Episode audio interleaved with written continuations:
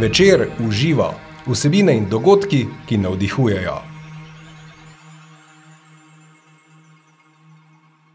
Podcast Večer uživa je to in dobrodošli v naši družbi. Tokrat se bomo družili z bojevnikom.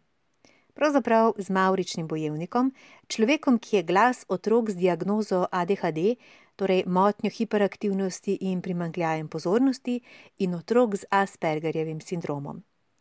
Ti otroci so mavrični bojevniki. S svojimi talenti, srčnostjo, iskrenostjo, resnicoljubnostjo in neštetimi zanimanji bodo ustvarjali nov svet. To so otroci z izjemnim občutkom za življenje, pa o njih slikovito pove moj sogovornik.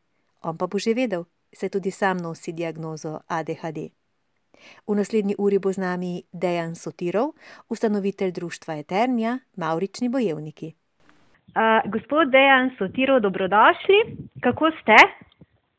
Odlično. Zelo dobro, zelo dobro, hvala. Ste. Uh, ko smo se zdaj pogovarjali za tale intervju, uh, ste povedali, da ste vi veliko v naravi, da smo se v bistvu sploh lahko uskladila in jaz vem, oziroma slutim, da ste vi zdaj tudi v gozdu, ko tole snemava, pa vsaj v bližini gozda, je tako?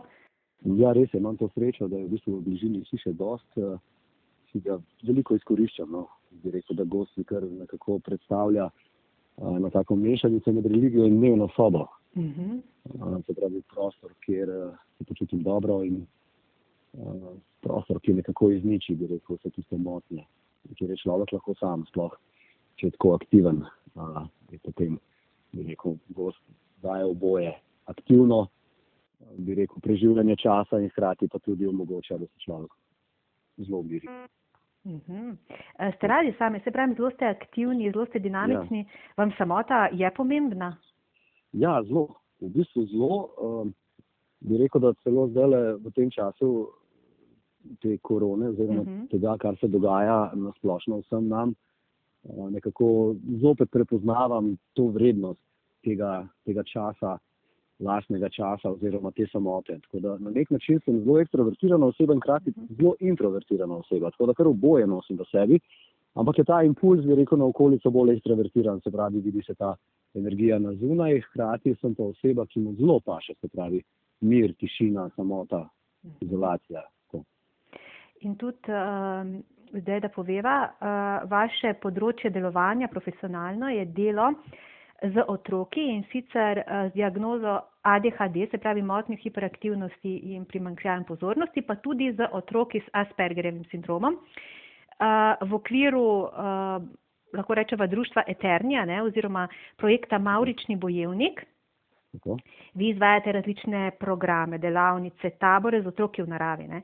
Vi jih, lahko rečemo, potegnete iz, iz, iz bom rekla, ali izpred izpred um, teh ekranov, računalnikov, kjer otroci najraje preživljajo uh, svoj, svoj čas v naravo. Zakaj je pomembno, da so otroci v naravi, posebej otroci, s katerimi vi delate?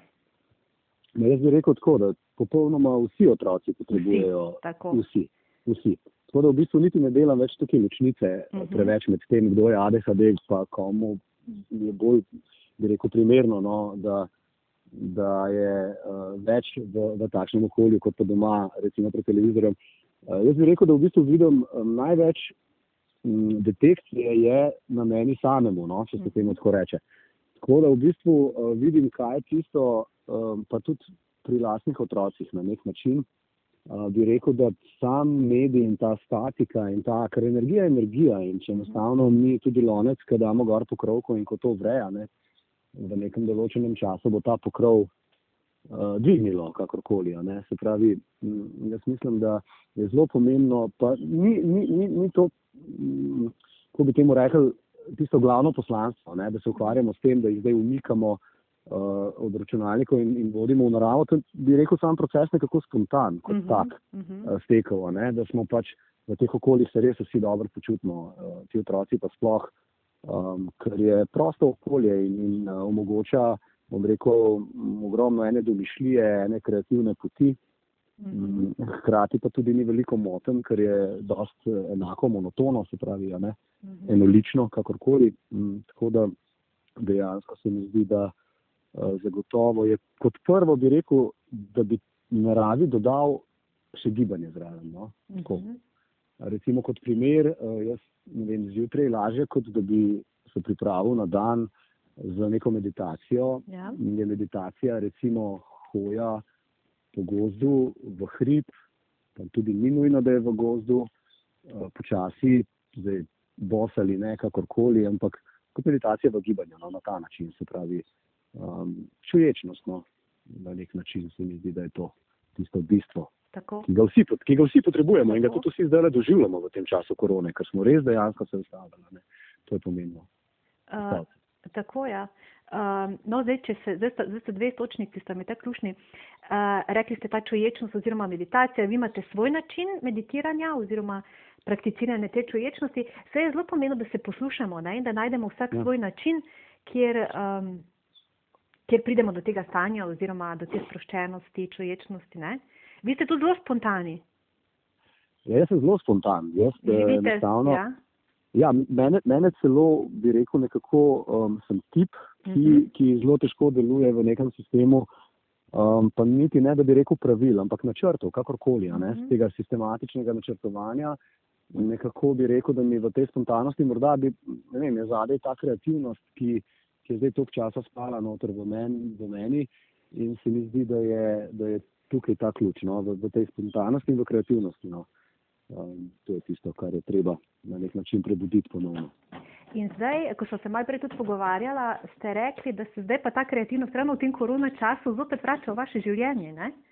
Ja, to je, bi rekel, en velik blagoslov, ker enostavno si človek ponovno lahko najde čas za učenje novih ali ponavljanje tistega, kjer, kjer uživa. Ne. To pa je v bistvu kreativnost, zaradi tega, ker če so prej rekla, kakšna čuječnost, uh mhm. -huh. gre tukaj zopet za neko čuječnost v gibanju, kaj ti eh, človek, ko je kreativen, je, je usmerjen, ne, je zelo uh mhm. -huh. fokusiran. In uh, sploh pa, če je v bistvu ta kreativnost, da jim reč temu nekako spontana, lahko je načrtovana, pa rečva, da zdaj bomo nekaj, ne vem, izdelali, pičo hišico nekih materijalov uh, je načrtovano. Ne. Lahko pa to zelo spontano, se pravi, ne vem, ustvarjanje nekega prostora v naravi in, in brez nekih, dajmo reči, zadnjič smo v bistvu projene objekte postavljali in je zanimiv en možakar, ne, ki je bil z nami, uh, bil en pesničen fant, prostovoljc, ki je vse čas načrte risal in ta gospod nekako nista skupaj prišla. Ne? Potem sem razumel tega gospoda, ne? ker ta gospod je njemu povedal, da on to že vse vidi. Tudi če bova zdaj mi dva zmerla, ampak uh -huh. on to že vse vidi in, in dejansko na koncu, ko smo videli ta rezultat, se mi je tako prisrčno nasmejalo, ne? ker mi je gospod zelo podoben in, in, in sem točno razumel. Težko je pa zaupati takim osebam. Uh -huh. Jaz sem imel vedno nekako v, v delovnih kolektivih težavo, ker niso ljudje verjela, ne, kako Točno. dejansko, kaj bo zdaj ti, ne, dej, to je Točno. treba iti po teh, teh korakih. Izmerjenih, predvidljivih, ne?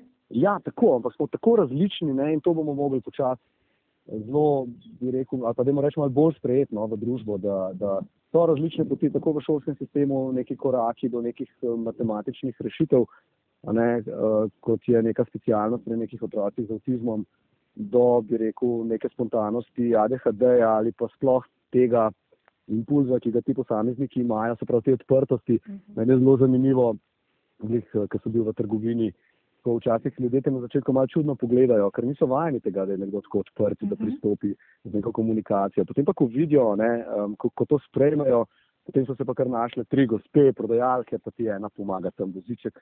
Druga, ne, ne, tako, človeško, no, to, to mi je tisto bistvo vsega, je pristno in da smenemo maske, no, jaz temu rekel tudi jaz se znam nositi iskreno. Um, mhm.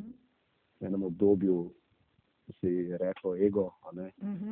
Um, pa včasih človek, to je tista največja teža, ki vidim pri teh otrocih, ko se v bistvu zavedajo svojih potencialov. In, in um, narejena je ena študija leta 2011, tisti, ki so res dobri v nečem, zelo redko izkoristijo tisto kvaliteto. Zato, ker na nek način, da bi si imaginarno že v glavi ustvaril nek rezultat. Aha, jaz sem mhm. tega sposoben, ne, recimo sem odličen retorik, aha, ne rabim iti na tečaj retorike in potem tudi dosta takih ljudi, ki jih poznam, da so zelo dobri v retoriki, tega ne izkoristijo. Počnejo nekakšne druge poklice ali pa recimo celo izgorevajo doma zaradi tega zavedanja, aha, jaz to vladam, jaz to sem, ne greš pa v to smer. To je, in je to ta, ta, ta težava časa. Mislite, da zakaj, zakaj uh, ti otroci, oziroma ne vem, samo otroci, tudi odrasli, ne razvijajo potem tega svojega potencijala? Um, kaj bi bilo tisto, se začne se že vredno vse doma, pri, pri, v družini. Um, vi delate tudi starši teh otrok, se pravi otrok z, uh, z ADHD-jem in Aspergerjevim sindromom. Znajo starši prisluhniti uh, tem posebnostim ali oziroma presežkom svojih otrok, jih znajo podpreti, uh, ali se ustrašijo, ali mislim, so zbegani. Kakšne uh, izkušnje imate vi, uh, starši? No, jaz bi rekel, da po večini se starši zelo zavedajo tega in se tudi trudijo, oziroma na nek način poskušamo najti nekakšno sredino med, med nekim sistemom, da zadovoljimo sistem, potrebe uh mhm. -huh. sistema in hkrati tudi, bom rekel, nekako lasne želje in ambicije, ki jih imamo kot starši do naših otrok in tisto, kar dejansko naši otroci kot, bom rekel, neka, neke talente kažejo. Tako da jaz mislim, da starši se dobro tega zavedajo in se tudi mnogo staršev uh, trudi v tej smeri. Je pa pri teh otrocih eh, znano to, da bi rekel, morda zaradi teh motečih faktorjev, ne, se mhm. pravi tega naboja energije, eh, dosti krat zelo veliko energije izgubimo prav s tem, da usmerimo pozornost v tiste druge, a ne druga področja, torej reševanje nekih problemov in se pa ukvarjamo toliko kaj bi bilo dobro za njega, pa kako ga umiri, mhm. -huh. pa katere dodatke prehrani, pa kateremu strokovnjaku, pa katerih pet knjig je treba prebrati v naslednje pol leta in podobno. Mislim, ja, in dejansko res se trudimo in iščemo, ker jaz vidim sam pri sebi, ne, da je zelo podobno. A, potem pa na koncu ugotoviš, da če težo daješ popolnoma drugim stvarem, se pravi, lahko se obremenjujem, aha, zdaj ne razvija otrok točno tega področja, ampak moramo stopiti korak nazaj in v bistvu okrepiti vsa tista področja, ki so morda zavrta celo pri kakšnih otrocih, prav mhm. zaradi tega, ker oni poslušajo vse čas, da niso kvalitetni Tako. na nekje in potem on začne verjeti in ko začneš verjeti v to, potem na vseh ostalih področjih, kajti ko pride neka informacija in se zraven aktivira še čustvo in potem mm -hmm. pride, neko se to ponavlja, pride do neke navade pri osebi in potem v nadaljevanju celo do nekega osebnostnega profila ne? in potem rečemo, aha, on tak je. Ne? in potem, ko on začne verjeti, lahko otrok v to, um, je zelo težko, ker vidimo včasih so tako šokirani, recimo, ko mu potrdiš neko področje, ker je čisto začudeno. Jaz sem pa mislil, da se bomo zdaj s tem ukvarjali, kaj, kaj jaz narobe delam, ker večinoma se s tem ukvarjamo.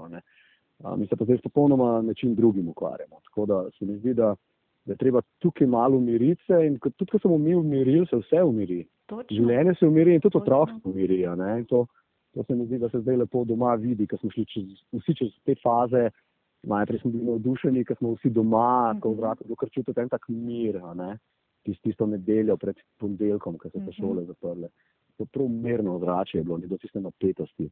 Um, potem je prišla nova faza, svet napetost, uh -huh. pri mhm. mnogih, eh, sicer je tudi skop, prihodnost in kako naprej in kaj naprej. Ampak jaz mislim, da to je vse priložnost prav za to, da da malo kontempliramo, da malo se zamislimo. Da, ja, tako da to je to, da ne bomo zašli. Ja. Ne, se tudi, če zaideva, se je. Bova sigurno tam kako, rekla, tako, o, o kako lušno smer zašla.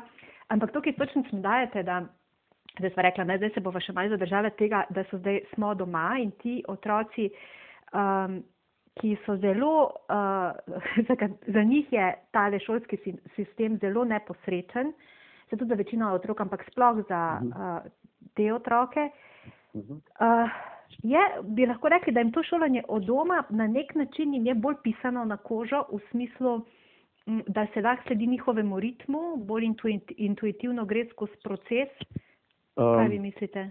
Jaz, jaz zdaj ne upam več reči. Uh, ja, glih to sem hotel reči. Ja. Bi rekel, da v bistvu iz teh izkušenj, ko se pogovarjam s starši, naprimer uh mhm. -huh. tisti otroci, ki so ali starši, recimo, da so si lahko prvoščili ali organizirali ali kakorkoli, da se otroci šolajo na nek način od doma, um, so uspehi na mestu. Oziroma, bi rekel tako, da, da ni, ni slabše. No? Mhm. Um, Kaj ti tudi, v, ne vem, če pogledamo pri sami aktivnosti posameznikov danes, ne, ko se pogovarjaš z prijatelji, ki delajo doma, ne, je velika razlika prav v tem, kaj ti nismo nekako omejeni na nek čas.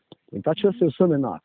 In če rečemo, da je ura 45 minut, a mhm, veste, mhm. zdaj otrok lahko v glavi ali realno to nalogo vem, opravi, morda v sebi, morda pokaže to nalogo dosti prej kot v nekem omejenem času in se dolgočasi. Morda, ne vem, um, že vse to ve, morda ni razumel, mhm. morda se pravi to, da je v skupini. Bi jaz rekel, da če se ustvari neko tako primerno okolje in ritem, kajti oni rabijo nek ritem. Rabijo, ja. Se, ja, ker smo različni, ne? zdaj sebe ne bi hvalil, ampak No, zdaj sem malo čudno to povedal. Ampak, dajmo reči, da v nekem delovnem kolektivu imaš lahko vem, šest posameznikov, uh mhm. -huh. pa vsak od njih dela 40 ur na teden. Ja. Ampak eden od njih bi lahko delal samo 10 ur na teden za to delo. Eden bi pa rabil dvakrat več. Tako da se mi zdi, da pri mnogo teh otrok um, so, bi rekel, mečem prilagojeni pogoji uh, sistema Eh, zagotovo primerni. Mhm. Ker to vidimo tudi tako. Lahko se ure in ure gremo neko svetovanje, potem pa ne, neka aktivnost v naravi, ki se dogaja, potem se pa tista aktivnost, bi rekel, dogaja nekaj dve tretjine časa, tri četrtine časa, potem pa tisto, kar ostane, se pa uporabi za tisto, eh, ne vem, edukativno ali kakorkoli eh, s tem pristopom. In, in vedno vidiš, ne, ker je človek sproščen, potem ne potrebuje toliko meril, da od do podelamo. Ne, kot, ne vem, zdaj, se pravi, grom prijatelj slišim zdaj, ko pravijo, nekateri se veselijo, o super, upam, da bo ta karantena še dolgo časa trajala, nekateri pa pravijo, neverjetno produktiven sem, pa, mhm. -huh. pa, ne, pa prav ne golfam, recimo, res se mhm. potrudim, pa, pa 8-urni delnik uh -huh. delam doma. Mhm. -huh.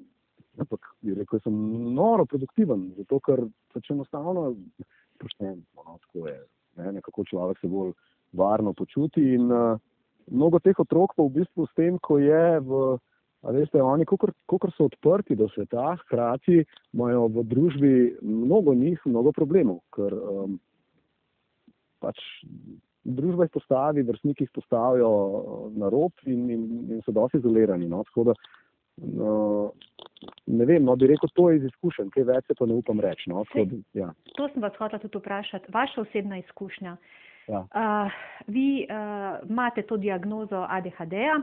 In me zanima, kak je bilo vaše otroštvo, kako so, uh, reč, re, pravite, ne, da otroci znajo biti kruti ja. in, in znajo postaviti na rob oziroma izločiti um, in podobno. Kak, kak imate vi spomine oziroma kak imate izkušnje, pa tudi potem proces šolanja, kasneje služba, uh, zdaj ste se nekako osvobodili, ne, ali ste že bili skozi vse proces oziroma v procesu šolanja in celo otroštvo ste imeli podporo, so vas razumeli, so vas znali usmerjati, ali ste to pot mogli najti sami in se osvoboditi? Uh, ne, osvobodjam se zdaj. A, zdaj? ja, ja, bi rekel, da v bistvu to je stanje, ki nikoli ne. Konča, ne? Ne, ne mine, ja, to -huh. je v bistvu nekako se nauči s tem živeti. Tako da, ja, sem bil v mnogih fazah, zdaj sem se sprašval celo to, ali je um, ta pot biti biti za, za druge, no, tako odprt, ali bilo bolje. Ne vem, ker mi kot posamezniki, vsaj tisti otroci, ki jih res poznam in jih lahko vidim, meni podobne, uh -huh. uh, imajo mnogo talentov. Uh mhm. in, in bi rekel, da jaz v bistvu v tem času sem nekako dobro izkoriščal, ker um, v otroštvu nisem imel teh težav, bil sem recimo ta ener, energetski naboj, uh, so ga učili telovadbe dobro izkoristili, pa so bili potem se pravi, vključeni v razne športne aktivnosti, kjer sem bil zelo dober. Uh, potem učitelji, recimo te, te moje nastopi in sprehodi po razredu gor in dol s knjigo v roki, doma učenje Aha. v gibanju. Ja. Um, ja, so, so, so to sprejeli zelo simpatično. Uh, se pravi, takrat nismo dejali teže temu in je nekdo samo bil kot tak z, nekom, z nekim svojim osebnostnim profilom, ki ima svoje pluse, ki ima svoje minuse. Tako da jaz v tistem času bi rekel, da mnogo teh, uh, glih za to zdaj mečkam nazaj, refleksno gledam, uh -huh. uh, kateri so tisti talenti, vse jih človek pozna, ne, ampak tiste kvalitete, ki, ki bi uh, bile primerne za podat družbi kot nek novi korak. Sem se zadnji sprašval celo en prijatelj, ki se ukvarja mečkam z, z podjetništvom, kakorkoli, menedžmentom je celo ugotovil, da večji doseg do družbe bi bil ne preko organizacije, ampak kar individualno. -huh. um, študente zadnjič, ko sem predaval na pedagoški fakulteti, specialni pedagogom, so rekli, podcastati moraš model ali pa, vlog, ali pa, ali pa vlogati model, uh -huh. ali pa channel si narediti in English in podobno. Um, mislim, tako da v bistvu vse te talente, ki vidim tudi pri njih, ne vem. Jaz sem še kar v redu. No. Narava me je toliko, bi rekel, blagoslovila s tem, da sem telesno kar dosta agilen, pa mhm. hitro se stvari naučim. Vem, tudi fotografijo se lotim, pa mi gre dobro lahko bi bil kakšen kreativni direktor, kakšne firme, tudi se mi zdi, pisatelj. Ja, svetom se, no, ampak ja, ja, rekel, da ti, ti, ti talenti so tako, če bi vem, pri slovenščini, naprimer, so mi šli esej blazno dobro. Ja. Mišlija je bila zelo tista, ki je, ki je imela do, dovoljeno prosto pot. Mhm. Um, in uh, vse tisto, kar bi rekel, da so mi te kvalitete, Eh, pa empatija, naprimer, ne, tudi, ko mhm. sem bil v konfliktu z učitelji, sem se vedno znal potem pogovoriti in tako naprej. Se pravi, da so bile te kvalitete, ki jih imamo uh, posamezniki, nekako takrat kar ekvivalentne, se pravi, nekako usporedne z, z tistim negativnim. In tisto negativno niti ni bilo v spredju, ker se jaz spomnim svojega otroštva, nisem s tem problema, ej ti, pridi ven, bodi tiho, kakorkoli, ne, ampak je bilo, pridi in bo zdaj tam akvari porihte, ja, ne. Mm -hmm. spet nekaj iskati tam, ne, ali pa da je zdaj povej še vsem, ne, pa stop, spredaj. Tako da, ja, sem bil učitelj, da bi rekel, kar, sej, gledajte, ni, ni, ni neke večje znanosti, vse je tako preprosto, ne, vse že vemo, vse že vemo, sam, v bistvu indoktrinirani smo z, z okvirjem, z okvirji družbe in pravili in pač enostavno potem se neč, nečkaj zgubimo ta, tisti prvi pristop, ki je v nas noter, no, tisti občutek, da odkrat pove zelo prav, no tako, če ga znamo slišati. Tako, če ga znamo, če smo ga že navajeni ja. slišati. Največkrat so nas učili, da to se ne posluša, ne? da čim, uh, ja. čim manj poslušati uh, intuicijo oziroma instinkt. Uh, Gospodejan, ja. uh, človek, ki so čarih talentov, to vas marsikje, zdaj ko sem raziskovala, vas, um, vas opisujejo dejansko ste. Uh, se vidite, zdaj, pri, pri, kar pripovedujete že iz otroštva in zdaj. In, uh, pa je bil, da je to problem v smislu, da, da je človek mogoče preveč razpršen? Pa, ja. Uh, je. Ja, zelo. Je. Ja, zelo. Kako si ti pomagati? Uh, dobro vprašanje. Um, v bistvu zdaj sem prišel v novo fazo in sicer um, ne, kot, človek do 40 ga nekje išče, ali pa jaz. Uh -huh. uh, se pravi, to fazo, ki je ta novi korak in bi rekel, da ta karantena je uh, bila primerna uh, temu času, glede zaradi tega, ker enostavno, um, kot sem že prej povedal, ne, mnogo je teh poti, ki, ki jih imamo in mnogo je, bi rekel, nekih želja in pri teh otrocih vidiš, ne, pri meni je bilo tako, mogel sem trenirati tri športe hkrati, uh -huh. mhm. knjigo berem, moram tri brati naenkrat. Ne vem, če bi šel pisati knjigo, bi pisal tri naenkrat, smo se zadnjič pogovarjali, in celo na diktafon, ker ni šans, da, da bi pisana beseda ja. sledila ja, ja, temu navalu. Uh, in dejansko je vse ta razpršenost, to bi, pa to bi, pa tista, to je enega razmišljanja in pri nekih posameznikih prav to vidimo. Uh -huh. uh, ena taka izjemnost v njih, um, ampak ne, in potem je tukaj ta paradoks, se pravi, tega pada in izgorevanja. Yeah. Ja. Ko v bistvu spoznamo ogromno odraslih, ki je podobno meni in so popolnoma izgoreli. In potem -huh. vidim, dejansko to je ta občutek notor, ker dejansko vse bi, ne, na vseh -huh. smereh, uh, pa nikjer nič realno niti ne pokažeš, no, če tako ja. rečemo. Vse to je nekaj. Ja. ja, mislim, občutek je, drugi ti govorijo, joj, pa le ustvaril si to, pa to, ja. pa to, ne v tebi pa vrejo tisti talenti, ja. potem se pa počneš še, uh, morda, če nisi tukaj dosti močan, ne, tudi čez te procese, iskreno se mogo iti. Um, Da na nek, način, na nek način potem postaviš kar malo nevošljivo, ne? uh mhm. -huh. pogledaš nekoga, pa si rečeš, imamo Dona, pa Jaz bi lahko igral, da lahko bi, a ja, a ja, to je zdaj ok, to, to bi strikati bolj naredil. To otroci isto govorijo, ne, kad se z njimi ukvarjam. Oglej njega, ne, pa tam sedi, pa nič ne dela, ne, pa mu rečem, kaj pa ti, pa pa ti, jaz bi to desetkrat bolj, ne. Uh -huh. In jaz, v ko ga poznam, bi mu tukaj lahko potrdil, pa bi rekel, ja, jaz verjamem, da bi ti lahko to desetkrat bolj. Ampak enostavno se čujemo s tem, da, da, da se od tu naprej ne zgodi, se pravi, da, da ni koraka in, in In velike modrosti, a ne lao tu pravi, a of a thousand miles begins with the one step. Ne, severnoameriški avtohtoni pravijo enako ali podobno, ne, se pravi, pot se začne s prvim korakom. In če ne gibaš, a ne, je to težava. In ti otroci imajo, bi rekel, zelo take aktivne ume. A to zelo, ja. Uh, ja, zelo veliko se dogaja tam znotraj in uh, zelo veliko teh občutkov in teh slik živiš tako živo, -huh. da jih na nek način doživiš. Ja. In, in se kar zadovoljiš s tem, da te okolica potreplja po rami ne, in, in ti piha malo na dušo. Potem pa postaneš malo zneden, ko prideš v novo fazo in ugotoviš, da to ni najboljši element, ker pri njih je to zelo dvorezno. Se pravi, hitro lahko prevaga to zavedanje teh talentov v nek ego, ne, jaz uh mhm. -huh. najboljši, ker veliko se tepejo, bi rekel, tako lepo prsih jih vidiš, ne, jaz, jaz, jaz, jaz, jaz, uh, sploh potem to sprejemanje in upor, potem, ki nastane na drug način, ker se potem upre temu uh mhm. -huh. sistemu, da on dokaže, evo, zdaj bo pa dokazal, da se bo celo boljši od vsega tega, na ta uh mhm. -huh. način, da ne bom nič naredil v to smer. In ja, včasih je kar zanimivo, ko jih vidiš um, vse posod, od donovarstvenih zavodov, ali pa slabe ocene v šoli, ali pa zelo vzgojni problemi in tako, in uh -huh. tako bogati posamezniki, tako posebni, tako, tako polnim notranjim svetom. Ne? Ja, tako drugačni, res. Mislim, to, to se mi zdi ta paradoks tega življenja. No? Jaz ga življenje na splošno zagledam in ga raziskujem. Se mi zdi, da, da zato jih želim tudi spodbujati. Ne? Zato tudi sam hodim čez vso to pot. Se mi zdi, da ti življenje to, kar da, da v bistvu dejansko se naučiš, obogatiš in potem lahko to bogatstvo razdeliš ne? ali deliš naprej. Um, tako da, ja kar zanimivo, no? izziv, vse čas. Ampak vi, glede na vse to, to aktivnost, tako ste rekli, brbotajoči um, eh, zelo intenziven notranji svet, ja. ogromno talentov, v bistvu grete preko, je problem ravno v tem, ker, ker grete preko nekih vzorcev oziroma stereotipov. In jaz mislim, da to vi ste ljudje, ki boste morali spreminjati svet.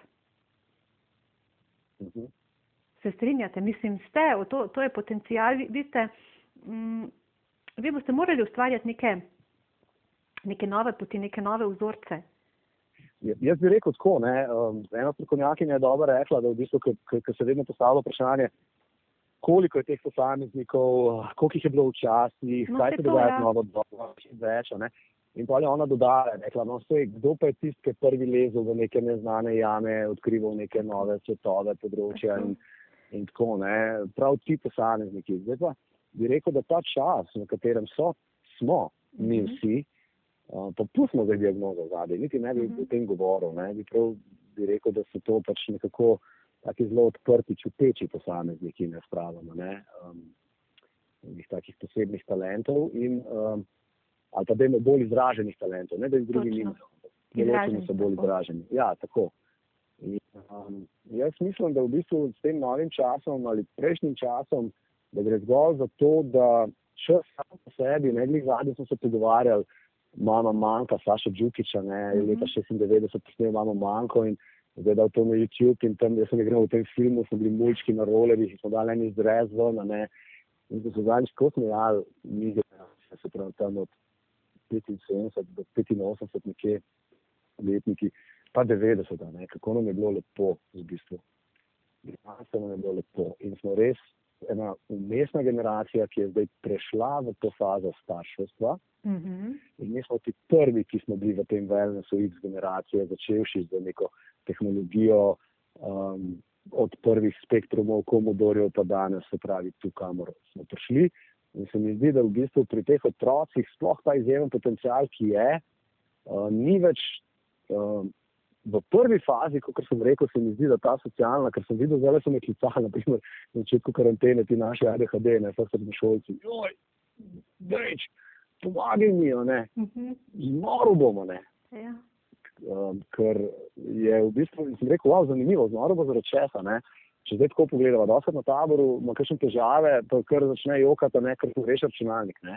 Aha. Ti ti zdaj doma, ne, ta je rekel, jo, zmaro bomo, ne, to pa tako pa prijatelj tu greša, ne, uh mhm. -huh. interakcijo in to. No, se mi zdi, da v bistvu s to novo dobo, sploh od zelo majhnega, jaz taki, ne vem, ne smem na nič apelirati ali kakorkoli reči, ampak vsaj poskušam v teh ožjih krogih, oziroma da jim reči sam pri sebi, pa svojih otrocih, je prva stvar, res so preveč in res ne vemo, mislim, niti se ne zavedamo, koliko jim to škodi. Cele dneve pred državami, jaz tudi tam doma vidim, kaj mi časa, kdaj zmanjkuje za kakšno stvar, da bi tudi najraje naredil tako, da vem, punčki gledata ne, risanke in, in, in vidim potem razliko pri njih. Uh mhm. -huh. Čiste druga, čiste druga, res. enostavno nekaj časa, kar ne more vzpostaviti nazaj te vzemljitve, tako malo nagajiva postane in, in tako. In se mi zdi, da je največji problem, ki ta niso bili gore, vse veste. No? Ne vem, kateri letek ste vi, ne bom vas vprašal. Ampak se spomnimo, ne, kako je bilo zore do mraka, pa kaj ja, mogel iskati, pa zvoniti, pa ga ni bilo. Pa, pa, noč, ne, in to je bilo to, mi smo toliko časa in energije porabili in enega fokusa za to, da si skreiral, se pravi, eno druženje. Danes ja. enostavno ne rabiš družbe, ker imaš Androida oziroma imaš smartphone. In, in, in jaz mislim, da to je prvi koncept, ki je, se mi zdi, da je težo temu, da je tim organizacije in sistem sam, ko obstaja. Pa pa posamezniki, no, da jim reč, sploh posamezniki, ne sistem, posamezniki, seveda družina, ne, od prve točke, da res naredimo eno tako protivtež. Zdaj bo veliko videti, recimo ne, na Facebooku, Instagramu, na teh socialnih mrežah. Evo, skupaj smo sedimo za mizo, ne, igramo z njimi. Ja, sem lahko malo nesramen.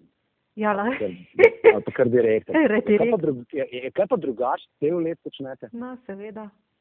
Mislim, se pravi, čujemo. Ja, ja, to, to je bila prva misel, da je okay, tako super, se imamo skupaj. Je pa, a to je tako čudno, ne? ker nam je res čudno. Ja. Jaz mislim, da bomo mogli.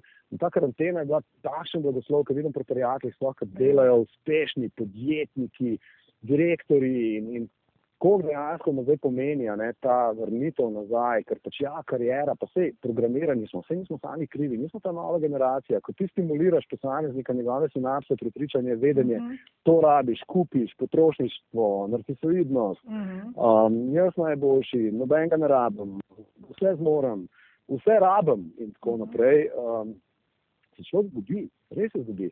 Jaz sem se zadnjič vprašal, ne vem, kaj bi bilo boljše, res graditi, ker če pogledam malo nazaj, ne, tudi jaz sem kar dosti, zdaj je to popularno. Ja. Zgorevanje je zdaj popularno, če rečem, ja, zgorevanje je ja. kar ok. Zdaj, če reko prijatelj, je zaprto si, ker nisi knjige napisal, dobro, mogoče še. Se še bo tela, ne? Uh, pa ja, pustimo zdaj to. ampak, uh, ampak ja, v bistvu bi rekel, da to vsi nekako čutimo. Zadnji sem ne vem, eno zdravnico srečal, ko se dolgo nisem videla, da je včasih direktor, pa je zdaj videl oblečeno kot zdravnica. Tako, niste več direktor, rekel, ne, to nam zgorelo. Uh -huh. In tako naprej, in tako naprej. Se pravi, ja, dejansko se mi zdi, da velik plus je to, da smo začeli pri sebi sploh prepoznavati to. Zgorevanje, za katero. In si priznati, imamo v bistvu proti utež in poskušamo v bistvu vse prebrati, vse zvedeti, ker sem bil sam isti in jaz pač bi rekel, da vem, doma televizije nimam, pa ne zato, ker sem čudak, um, uh -huh. ampak enostavno mi že sam medij um, telefona oziroma računalnika toliko časa vzame ali pa da tisto, zadoščenje, da ne vem, preberem novice, pogledam film, dokumentarni film, karkoli, uh mhm. -huh. to počnem računalnikom. Verjamem, da potem pa sama televizija, ker vem, kako deluje. Pridem prijatelj na obisk in je tam TV, ki se usedem, zgubim fokus. Oni ja. nekaj govorijo, jaz pa treba TV gledamo. Ne? In zdaj lahko rečemo, ha, motnje pozornosti, da se šetam na mhm. predavanjih pravim. Pravno tako, ne, imaš dve diagnozi, ADHD, TSH, hyperactivity, pa uh -huh. ADD, ne, samo motnje pozornosti. In potem vprašam, publiko. Ne dvignite roke, kdo nima tega ADD-ja, motne pozornosti, ne polovica nas ima to diagnozo. Znači, kolega rekel, um, prav upam samo, da ne bo prišlo do nove diagnoze, to bo pa še ena umestna diagnoza za une, ki preveč govorite, to si ti, a ne, ker če ženske, ne vem, 20-40 tisoč besed poveste, jih jaz po mojem 150 tisoč. Ne, in, in, in, in on je rekel, mislim, zdaj, če damo tebe v to kategorijo, ne, pa da damo novo diagnozo, bomo rabili še zdravila za to, da utihnete. Mm -hmm ker preveč govorite in, in, in to me malo skrbi, no? ker jaz sem tudi v bistvu kar dolg časa rabo, vedno je to vprašanje, kaj si mislim o zdravilih. No, to me, ja, ja. to me je tudi zanimalo, mislim, to sem tudi hvala zdaj, ko ste to omenili. Um, vse te diagnoze in vsem tem diagnozam v komplet pridejo še tudi razne terapije oziroma zdravila. Vi to niste nikoli um, jemali zdravil oziroma kakršnih koli. Uh, terapij? Ja, eh, jaz sem v bistvu kot otrok, takrat še ni bilo, ne, niti bi rekel tako pogosto, da se je govorilo o tej diagnozi mm -hmm. ADHD kot taki. Zdravila nisem pa, bi rekel, pogosto in tudi jaz tistih, uh, v tistem času zdravil nisem dobil. Uh -huh. uh, imam pa vmes izkušnjo, se pravi, v odrasli dobi z zdravili kot so antidepresivi. Uh -huh. To sem v bistvu kar zelo dolg časa potreboval, da sem se nekako odločil za bi rekel, lasten eksperiment. Ne vem, morda celo v tem napišem knjigo, če smo v šali, malo za res. Uh mhm. -huh. Ampak zelo zanimiva izkušnja. Zavestno sem potem tudi prekinil no, s temi zdravili, ker na nek način sem ugotovil, da, da res sem mal prelen. In, uh -huh. Sem potem gledal plus in minus. Ugotovil sem, da zdravila sama po sebi so na nek način kar zbrisala en del identitete moje. Zgubil sem tisti empatičen naboj. In ta empatičen naboj je tisti, s katerim hodiš po svetu, si zelo odprt, zelo začutiš ljudi ali vem, priložnosti ali situacije, po drugi strani pa tudi zelo lahko nastradaš, ko tako odprt hodiš po svetu. In, to, mhm. um, in potem sem začel raziskovati, se pravi, uh, kako bi uh, pomagal sebi, to večletno raziskovanje, in na koncu prišel do tega, ker sem se zaupal, se pravi, dobrim prijateljem in tudi uspešnim znanim posameznikom, ki so mi rekli, da je za eno kratko fazo ne poskusi uh -huh. uh, kot eksperiment in sem potem prišel do enega takega dognanja, da sem se kar malo strašil, ker um, ne vem, kar malo zaprt rataš čustveno. No? Tako bi rekel, da situacije, ki so se dogajale, ki me včasih čist do toče, jaz niti ne smem videti te grozne zgodbe, ki se dogajajo sploh otročkom po svetu. Uh -huh. to, pač premočno. Tukaj, tukaj ja, je treba uklepati razum in, in, in zavarovati sebe, ampak to se da naučiti drugače. No, to, so, uh, to me je zanimalo. Ja. Ja, no, tako, to se da naučiti drugače. Brez kemije, ne? Ja, zdaj ne, ne da bi rekel, da je tako reči. So posamezniki, ki sem videl, da jaz govorim, da je samo izkušnja. Tako, no, vse je to vaša lastna izkušnja, sam, tako da smo na jasnem. Sam, tako, samo moja izkušnja in nisem ne za, ne proti, govorim samo o lastni izkušnji. Ja, moja izkušnja pač je je takšna, da um, sem ugotovil, da je potrebno um, druga pot, se pravi um, delovanje in človek lahko vzpostavi vse te sisteme na drug način. Um, je pa potrebno seveda zavedanje in disciplina. Ne? To je tisto sploh pri nekih ADHD posameznikih ali takšnih razprošenih, kot smo mi, ne tisoč in ena ideja. Ne? Mhm. Rekel moj prijatelj, ki eno firmo vodi, prav, jaz tudi tako kot ti, pozna tisoč ljudi, um, dela z mnogimi posamezniki in pridejo z idejami, se pravi, tako le eno na 14 dni, generirajo in jo spelejo in je dobra. -hmm. Tih imaš pa 30 na dan, je rekel. Ne? To je realno, no, no, da poka od idej, brez pretiravanja. In, in sam težava pa je ta, v bistvu, da ne najdeš tiste prave, um, se pravi, ne vem, kako bi temu rekli, zdaj vloganje in podcastanje in vse to, morda po 21, 22, ki je bil še ego zelo visok. Ne, danes tukaj ne vidim ambicije, spet pa prijatelj pravi, ja, morda pa edukativno na ta način se splača pristopiti ne, k družbi, če te v bistvu vse čas žene k temu, da bi rad, da pomagaš. Tako? Vedno je tako bilo. Ne, že, ne vem, prej sem imel v trgovini čisto ne konflikt varnostnika, vse ima ona prav, ampak ženička je prišla v trgovino in ja, obstaja pravilo. Jaz se s tem strinjam. Okay? Jaz se strinjam, da morajo oni priti v trgovino takrat, pa takrat, se pravi, mm -hmm. do povdne zvečer. Ampak nje je nekaj zmanjkalo, da jim temu reči. Yeah. Ja. Morda polento za vnučka, morda ne vem, mm -hmm. eno vnučka. Ne? In prvo vprašanje je bilo, vse, gledajte, vse je samo pristop, okay? se pravi, način, kako poveš. Nič drugega, ne informacija. Ne? In ta je bila gospa že ničkrat tako napadena, ne, dejansko, da je kar strašljivo. No, vi pa, kako izgledate starejši od 65? A ste, a ste, ne? Ja, mhm. -huh. sem. Ja, sem. Ko delate tukaj? Svete, ne svete tle biti. Ne, uh -huh. čakaj, malo. Pa dajte vprašati, kaj rapa in pejte iskati isto moko noto. Ja. Ne, nisem.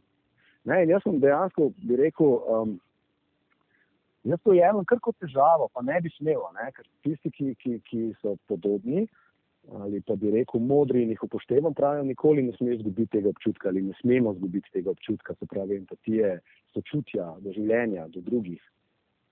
In ta pravičnost, to je tisto, kar me zelo jezi. Se pravi, v takej situaciji si jezen vrata.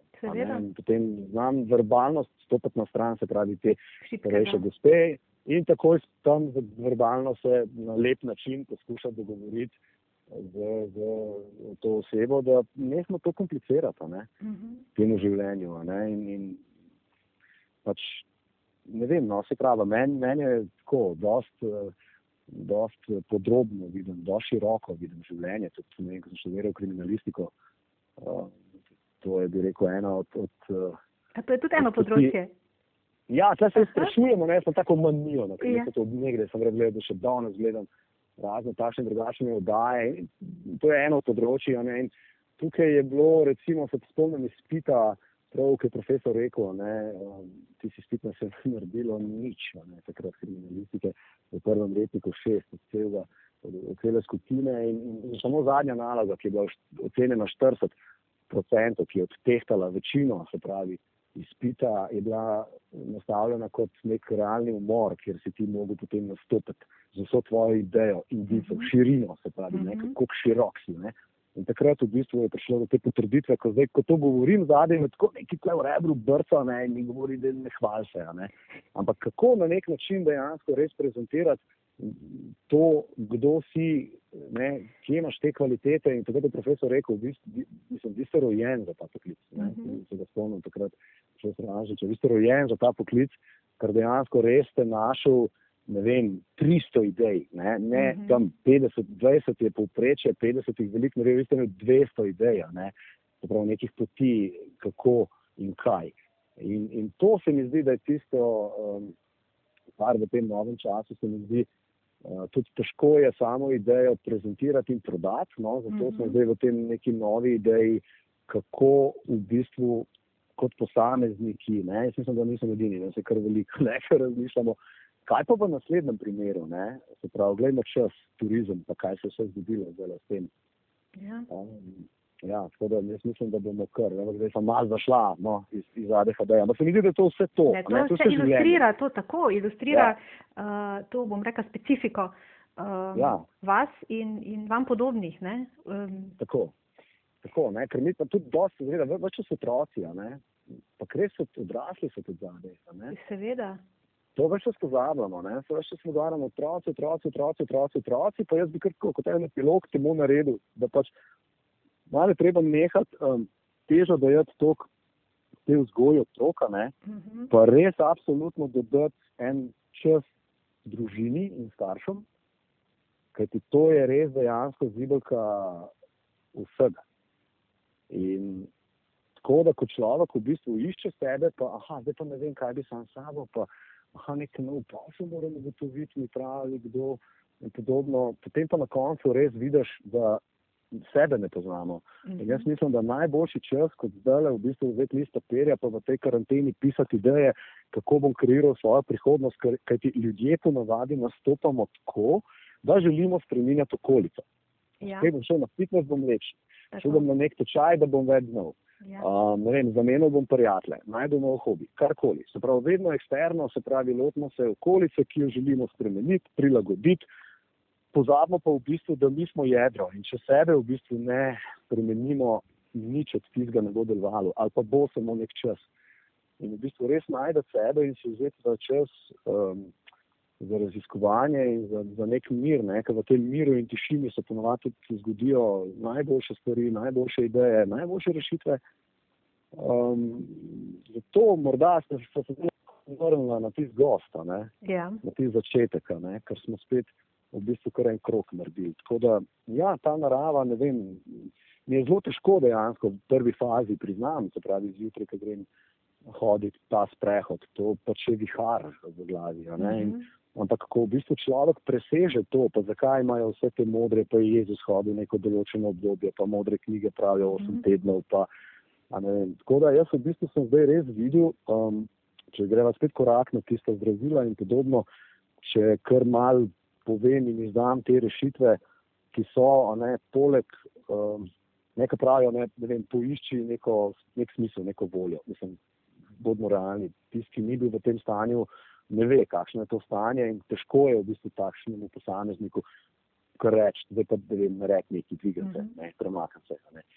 Um, zato se mi zdi, da jaz v bistvu v mojem primeru je bil prav dogovor čist spontano, to, kar je moj dedek vedel, ko sem bil majhen, Prav moj dedek se ni ukvarjal, moj dedek se je ukvarjal z mojo aktivnostjo. Uh mhm. -huh. Pika. Se pravi, ne, ok, da sem pelal sem v Ljubljano, da sem mi diagnozo, prepeljal sem me domov. Dedka ni zanimala diagnoza. On je samo vedel, kdo jaz sem Bravo. in je vedel, da pač rabim, rabim toliko in toliko te svoje aktivnosti. In tako je on pristopil. Zdaj, če gremo naprej v neko novo fazo, v mojo odraslo fazo, pa smo zdaj v nekem novem poglavju. Ne? To novo poglavje pa zopet, ali ne vem, um, poskusiti držati ritem, še vedno je isti ritem, služba tempo in tako naprej, in da boš pomagal sebi, pa če vzameš zdravilo, da lahko ta čas uh, lažje vodiš, ne? kakorkoli, oziroma greš čez ta čas ampak spet nič nisi spremenil, spet si v istem ritmu, spet je vse tako. Ne? Tako da v bistvu pri meni je najboljša rešitev, tako kot je kojni dedek povedal in povedal ta gospod, o katerem so se prej pogovarjali, mm -hmm. gospod Max, ki je človek, um, s katerim se delujeva, z izjemnim občutkom za življenje. V bistvu zelo enostavno, on pravi, v dveh mesecih se vse reši, um, reši se z roko, ne z dokumentom, to mi je bilo zanimivo. Jaz sem Rekel, da je 81. generacija, pri nas to velja, se pravi, ta plemenitost, to bi radi otrokom se ukomponirali v življenje, kako pomembno to je, ker se mi zdi pri teh New Agerih, pri milenijumskih, uh -huh. uh, pa res ne bomo sramen, ampak zelo hitro zahtevajo, stojijo za nekim, ne vem, statementom, pa jaz sem nekaj naredil in zdaj mi to pripada. In, um, ali pa dajmo zdaj to vse napisati na papir, da bo to veljalo, ne, kot nek dogovor. Ta gospod je pa v bistvu samo stisk roke in pogled v oči, kar pomeni, da je zdaj dogovor, ki velja. In dejansko aktivnost. To je to. Aktivnost. Zdaj pač imamo težavo s tem otrokom, aha, ok, ja, bolj kot je širok, več te aktivnosti in potem tudi, če stvari ne dokončamo, tudi, da se nisem obremenjeval, da sem treniral pet športov hkrati in tisoč in ena stvar, mm -hmm. bral tiste enciklopedije in dokumentarne filme, Znači, ni želel zdaj perfekcionizmu, da zdaj te bomo pa tukaj propeljali, ima talent, dober bo. Ne, vrhunsko. Bo. Ja, ja pustimo ga tam na rollerjih, a ne, pa sem bil hit. Tunica po državni prvak na 400 metrov. Ok, pa ga dajmo, ne vem, v atletko, pa sem bil majhen tak, da sem imel dres kar zavezati v tiska si punce zavežete majčko, zato ker sem bil pod koleni, pa sem bil tistim fantom, se jih spomnim, dolgonogi, že vsi porašeni. Ja, pa si rekel, primer štartnega bloka, si tako bil streljen, prvih deset metrov je rekel, kot pa stopa je strelil. Ne? Pa pa nisem mogel razviti hitrosti, da sem bil šesti, to je državno no, super, ne, smet. Tako da, enostavno, tisoč in ena stvar, prav tako kot danes in ne morem eno stvar početi, ne? Mm -hmm. to, to je nemogoče, se pravi, moram vem, postprodukcija tam me nekaj zanima, pa bi rad to naredil. Ne. Tudi zato pravim, da težko držim eno konzistenco in so se na to nekako navadil. Uh -huh. ne, mhm. pravi kolega, da je začni YouTube. Ja, pa gledaj, YouTuber mora da no, na tri dni, enkrat na teden, pa uh -huh. enkrat na mesec nekaj gor. Ja? ja, jaz pač bom bil zanimiv YouTuber prve dva, tri mesece, pa pa konca. Ne. Ja, pa zdaj gli gor neki daj, sem videl na YouTube. Mhm. Kaj hočeš, zdaj si greš influencerja? Ne, jaz sem sam, jaz sem uživam. Zato, ker so me v bistvu prosili nekateri, a ne, da je neki gor, da kaj počnemo s svojimi tam malimi doma, pa imam posnet ga še tok, pa zmontiran ga nič, ker če to zdaj zmontiram, bom za pol leta materijala. Ja. Ne, pa me zdaj že neki tretjega grabi, ne, sem dobil že spet neke nove ambicije ne vem, zdaj trenutno sem šel spet rolat. zdaj sem na rolerjih spet. Me je kolega z Londona zadnjič klikal in rekel, tako, če se spomnim tebe in zaprem oči, ko si preletel malo mesto pri kapitlu dol, ne, in ti sem v vinko te ven vrglo in se zdaj eno novo preskočil na stopnice, da ti se rodil na tem. In potem sem malo poslušal, kaj je govoril, in sem začel poslušati sebe, in sem se probo spomniti, katera obdobja v mojem življenju so bila tista, kjer sem bil najbolj srečen. In katera so bila? Ja, recimo, ne vem, jadralno podaljšanje je bilo eno od obdobij, ampak zdaj le kar ob družini, da vsem tem se pravi, se nekako ne grem in se ne morem tega športa. Kolesarjenje je bilo tudi zelo dobro, um, pa tudi kolo danes, če se zdaj le sedem na kolo, zahteva minimalno tri ure. Si tudi težko bo sem tem, kar še vedno počnem, kljub karanteni. Prvošem. Rolerji so pa super, ne, in zaš mhm. gor in 45 minut, zelo na hitro, tako pač hitrost, ne sem si kupil. Uh -huh. uh, in, in enostavno, bi rekel, da to je to umestni tisti koraki, pa kuham red, tako da zdaj zelo veliko imam časa in je to tudi tako užitek, se pravi, eksperimentirati v kuhinji z raznimi tajnimi in začimbami, mm -hmm. ker ne gre za to, kaj daš v lance, pa kdaj, pa tako. kaj s kom. Pa, ne, zdaj so vse občutki in začel sem v bistvu razvijati ponovno ta občutek, ki ga verjamem pri teh otrocih, s katerimi, o katerih se pogovarjava in um, s katerimi delujemo, se mi zdi, da to je pa prav tisto, um, en tak skupek vsega. Uh, vidim tudi pri vlastnih otrocih in pri mnogo ostalih, ko mi ne vem, kdaj pridem pa mi reče, pridi, ali pa ti pripeljemo otroka, malo na oceno, kako se to čudno sliši. Mhm. Um, ja, se je. Ja, zelo hitro vidimo, da okay, mi se zdaj s tem ukvarjamo, tako da je otrok izjemen. Prav njegov vem, čutni svet je, je, je tako zanimiv in jaz mislim, da to je tisto, kar m, bi mogli kar v prihodnje. Jaz mislim, da nam bo vsem lažje, da se spustili malo to težo da, da jim damo te labele, nekih diagnoz in tako naprej, ker oni so res čudoviti otroci. Aspergeč, ki jih, jih toliko obožujem, dejansko res, pa, pa, nismo, pa nismo specialisti. Ne, treba vedeti kot prvo, se pravi, nismo strokovna inštitucija, ki se ukvarjamo. Mi smo v bistvu doživljajski pedagogi, pa kako tako bi temu rekel, se pravi, življenja, ja, življenjski, doživljajski, tako. Ja, tako, mi, mi, mi smo v bistvu ta sekundarij, oziroma, ne, organizacije, ki soportirajo ali na nek način sodelujejo z ostalimi organizacijami, javnimi in tako naprej, ki se ukvarjajo se pravi, z obravnavo teh otrok.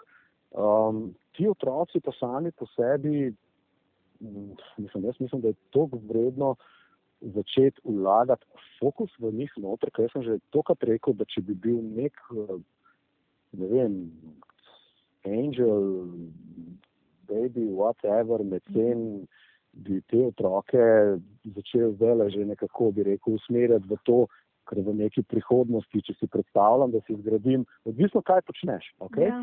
Se pravi, odvisno kaj počneš, ampak določena podjetja bi z nekimi Aspergerji lahko zelo prosperirala in američani se tega zavedajo, tudi v Silicon Valley, stupam trditi, da, da sedijo eni in drugi, a ne, mislim, da so kar množični lahko.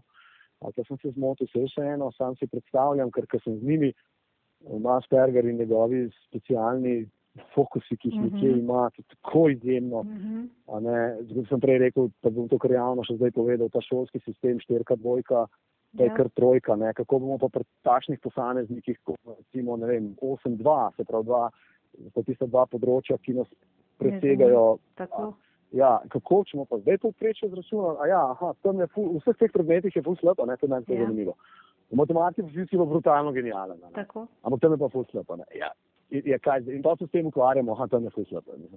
Tako enostavno smo navajeni tega, se mi zdi, da mediji vse stalo ugasniti treba, zdaj pač se upravičujem medijem, ampak pač ne bom imenoval. Ampak mnogo je enega medija, ker to so same, bi rekel, nekako take prazne sence. Človek v bistvu izgublja zelo veliko energije in fokusa za nepotrebno. Ne. To bom vam pa povedal, zakaj to na glas govorim. Ker sem otrok rekel, da je naslednjič, ko boš imel nekaj intervjuje, kar to povej. Uh mhm. -huh. Ja, pravilno, jih upoštevate. Ne, ne, res, asperger. Jaz sem na njihovi strani. Ja. Jaz upam skregati komorkoli, če verjamem v, v tisto otrokov prav tam zadaj.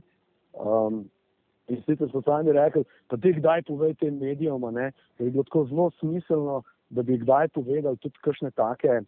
Tako, zakaj ne obstajajo kakšne ok stvari, ki jih poslušaš, da so zanimive, da rasteš, ker ti se ene in druge aktivirajo čustva. Sploh vemo, da negativno, ne vem, določene novice, ki beremo, jo je že se je zgodilo, ne vem, mislim, ampak kar vleče, kar mhm. moraš odpreti, kar greš, pa včasih kar zavesno, tako, ojoj, ki že vidimo, ne, že kar odpiram in ko bom odprl in kakšna bo prva stran. Vse bo grozno. Na tem se gradi, ne en mhm. enostavno. Potem, kako, ne, če, če bi malo razumeli, se mi zdi to zelo pomembno. Zdaj sem zelo vesel, da, smo, um, da je dr. Tina Breganca dobila funkcijo na ministrstvu, ker jo osebno uh mhm. -huh. dobro poznam. Uh, in bi rekel, da v bistvu takšni posamezniki s takšno kvaliteto osebnosti in Ja, zaradi tega, ker dejansko, v bistvu, ko, ko, sem, ko sem jaz spoznal, pa še mhm. danes, če zaprem oči, nimam sploh občutka za to, niti tega DR ne vidim. Uh -huh. ne? Mhm. Tako bogata za življenje in no, to, to se mi zdi, da to rabimo. Uh -huh. In mhm. tiste prave empate, pravičneže, intelektualce, raziskovalce, kot prvo, to je najbolj pomembno. Uh -huh. In, in um, podobno, ne, se pravi, ker uh, profesor Pretnar je bil, oziroma doktor Pretnar je bil moj profesor in jaz ne morem pozabiti, jaz zdaj, če bom to povedal, jaz mislim, da niti on sam ne ve, ali se bo posmejal, jaz točno vem, kaj je povedal.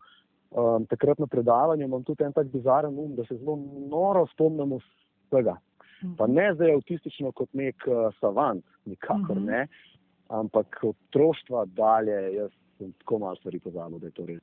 Se pravi, detajle celo vem, a veste, to, kar tako bi rekel, da ti vtisi, ko nekako se zdi, da pri teh otrocih je podobno. Pa bomo povedal primer. Uh mhm. -huh. Otrok v šoli je bilo, pa ni nobenih rezultatov kazal. Potem je pa eno, eno zgodbo sem razlagal o templarjih in, mhm. -huh. in o teh bankah, salala, dino. In ko, ko, ne, ko to razlagaš s temi čustvi in potem oni to absorbirajo dvojno, se pravi, ja. s čustvenim, ne, nekako, in, in, uh, in hkrati se pravi tudi z kognicijo, oziroma z nekim razumom.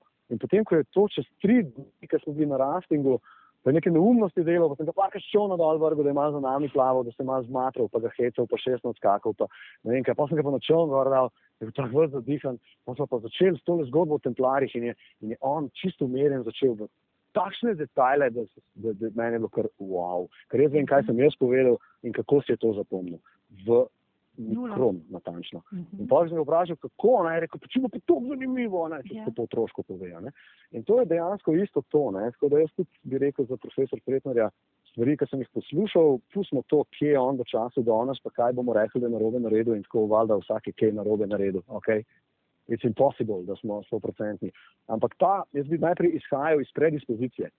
-hmm. Koga imamo, ki ga damo, ne? ali pa ne vem, stari kralj kraljev, se pravi, ko voli ljudstvo na nek način, ne za neko politično, kot imamo mi danes, pa se pol kregamo, kje je stran je prava, pa kdo bo zdaj komu, pa pol slišiš kršnega, celo življenje sem levičar, ampak zdaj sem tukaj razočaran, kar desničar. Ja, ja, kje je pol identiteta, jaz to ne razumem. Ne? Se pravi, In potem dejansko jaz ne bi rekel, da tisto vse ostalo in plusi in minusi, ja, postavimo tisto, kar poznamo. Tako da jaz govorim samo iz neke prve osebe, tisto, kar jaz vem. Ne pa, ne, in jaz verjamem v človeka in ko vidim v človeku tisto um, iskreno sliko, tisto iskrico, ko teh otroci vidiš kar eno iskrico v čeh noter, ne, kako bi to opisal.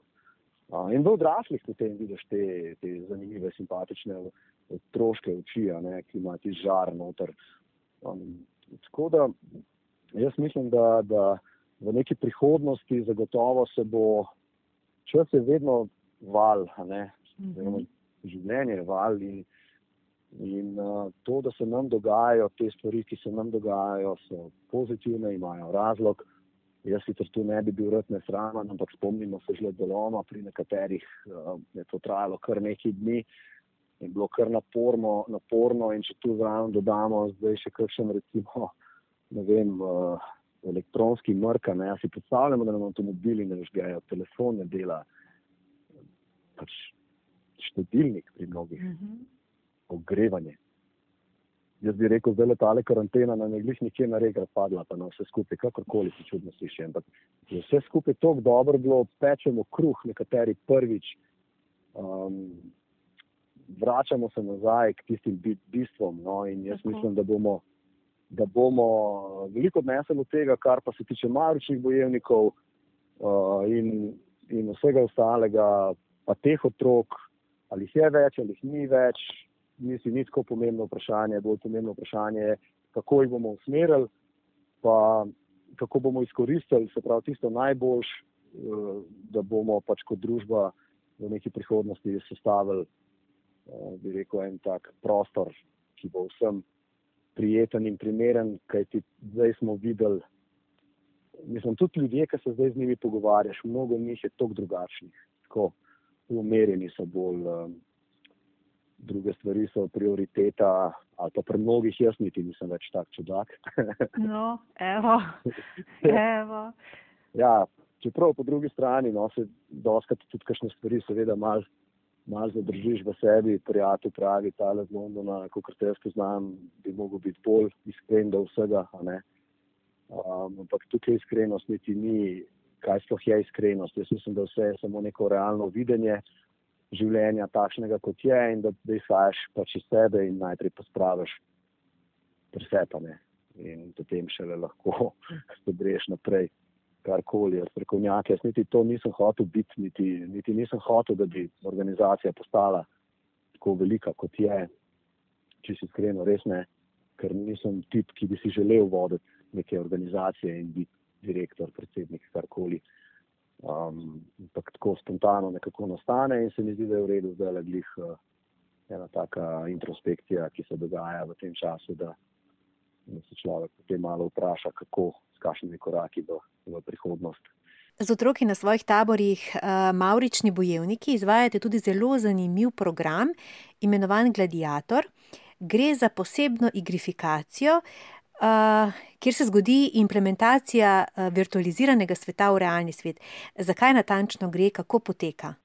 No, se pravi, noč, noč tazga, gre, za, gre za igro Gladiator, um, igrifikacija, se pravi mhm. gamification. Mm -hmm. To je, bi rekel, eden od teh inovativnih pristopov, zdaj čist spet tistim um, nepohvaljenim, ampak jaz mislim, da igra je zrela za večje korake kot samo trenutno tu, kjer trenutno jo še držimo. Uh -huh. uh, gre za rekel, implementacijo virtualne igre v realno življenje, kjer se iščejo um, različni profili, otroci igrajo igro zelo živo, zelo aktivno, um, pa ni nujno kot dnevniki, zdaj sem imel nekaj Aspergerja, recimo se je znašel v Treasuryju in ima zdaj čez zakladnico in tako. Uh -huh. in, pač, ja, čist med nami, zdaj ne vem še točno, kam ta korak narediti, mogoče kakšen pospeševalnik, mogoče kar eh, dejansko bolj resne korake narediti, ker smo to testirali uh, lansko leto v, v Avstriji z Švicarji, Nemci, Avstrici in rezultat je bil izjemen. In se mi zdi, da v bistvu to je tudi ena od tistih, um, eden od tistih korakov, dosti pomembnih za, za, za neko prihodnost, um, da, da se upamo no, prenesti neko implementacijo, čist kot informacija. Eternija, se mi zdi, da je to kar dosti pomemben podatek, za katerega se ne ve. Uh, društvo Eternija, torej Mavrični bojevniki, smo v letošnjem letu postali 21. država um, oziroma pardon, organizacija in posledično Slovenija kot 21. Uh -huh. država članica tega konzorcija ADHD Europe. Um, to je kar velik korak, smo bili zdaj v Helsinki povabljeni, pa je v bistvu korona to stavila. Ja. ja, ampak je kar zanimivo, kako se tu v Sloveniji nikakor ne znamo postaviti s temi razpisi in financirani, totalno nič nimamo, no, čisto po domače povedano, in ugašamo zaradi tega potem pa v bistvu te svoje programe pošleš v Evropo. Pa prepoznajo, ne? Ja, pa hoče kar sem prideti, ne. Mm -hmm. Mi bi to šli pogledati, wow, dajte prideti, povejte, v Helsinki boste imeli možnost to predstaviti in tako naprej in gor in dol. No. Kaj pa vem, no, jaz bi tudi iskreno povedal, veste, ki smo prej rekli, da smo mi taki mal drugačni, smo, a ne, Asperger, ADHD, kakorkoli, Um, mal si vedno imaš ta občutek, da si nekje na robu. No? Da se mi zdi, da se včasih družba kar malo ustraši, tako kot te vrstniki dajo malo na stran. Se mi zdi, da je tudi um, s tem našim delom včasih malo tako. Se ga spregleda, ne? Ja, da se ga res pregleda. Prav zaradi, ne vem, pač se mi zdi, da včasih smo tudi malo preaktivni no, in pridemo malo preveč uh, vroče z vsem tem. O, mi bi mhm. to, pa, pa, pa, pa mhm. ideje, pa bo dobro. Se mi zdi, da, da, da to, to smo pa zelo zadovoljni, ker je izjemno, izjemno velika frekvenca prostovoljcev, izjemnih prostovoljcev, sploh s profesor Suzano Pulec, pedagoške fakultete, ki sodelujemo zdaj, um, se pravi ti študenti, bodoči učitelji, bodoči specialni pedagogi, socialni pedagogi, um, zelo zanimivi posamezniki drugih poklicov in smeri. Um, in se mi zdi, to je tisto, kar je največji navdih. No. To je to, kar mi imamo. Evo, mogoče pa je to kot čas karantene. Da se malo nazaj obrneš pa rečeš, ok, gledaj, nismo zgradili velikih organizacij, ni nam uspelo 15 ljudi zaposliti, nič jih nismo zaposlili, še vedno se trudimo s prostovoljci, delamo dobro, razvijamo nove programe in rastemo vsako leto, uh -huh. um, kar je najbolj pomembno in uh, ja, no, se pravim jaz mislim, da je treba samo, ne pravijo, let it go, pusti, da teče tako, samo po sebi in potem in slediti tako, bravo, in potem vedno nekje se neka smer, morda ne se pravimo, mi gledamo v eno smer, to vsi poznamo v naših življenjih, več ali manj, gledaš v eno smer, potem na koncu se ti popolnoma druga smer odkrije ali pa druga pot k istemu cilju, kakorkoli. Tako da pomembno tudi, da človek ustraja in da je usmerjena. Ne. Z nami je bil Dejan Sotirov, ki bo 21. novembra tudi gost maratona pozitivne psihologije v Mariboru. Karte za dogodek bodo v prodaji v prihodnjih tednih. Več podkastov Večer v živo in informacij o dogodkih Večer v živo najdete na spletni strani trikratvojni www.com poševnica v živo in na facebook strani Večer v živo. Z vami sem bila Maja Furman, srčno in srečno, dok malu.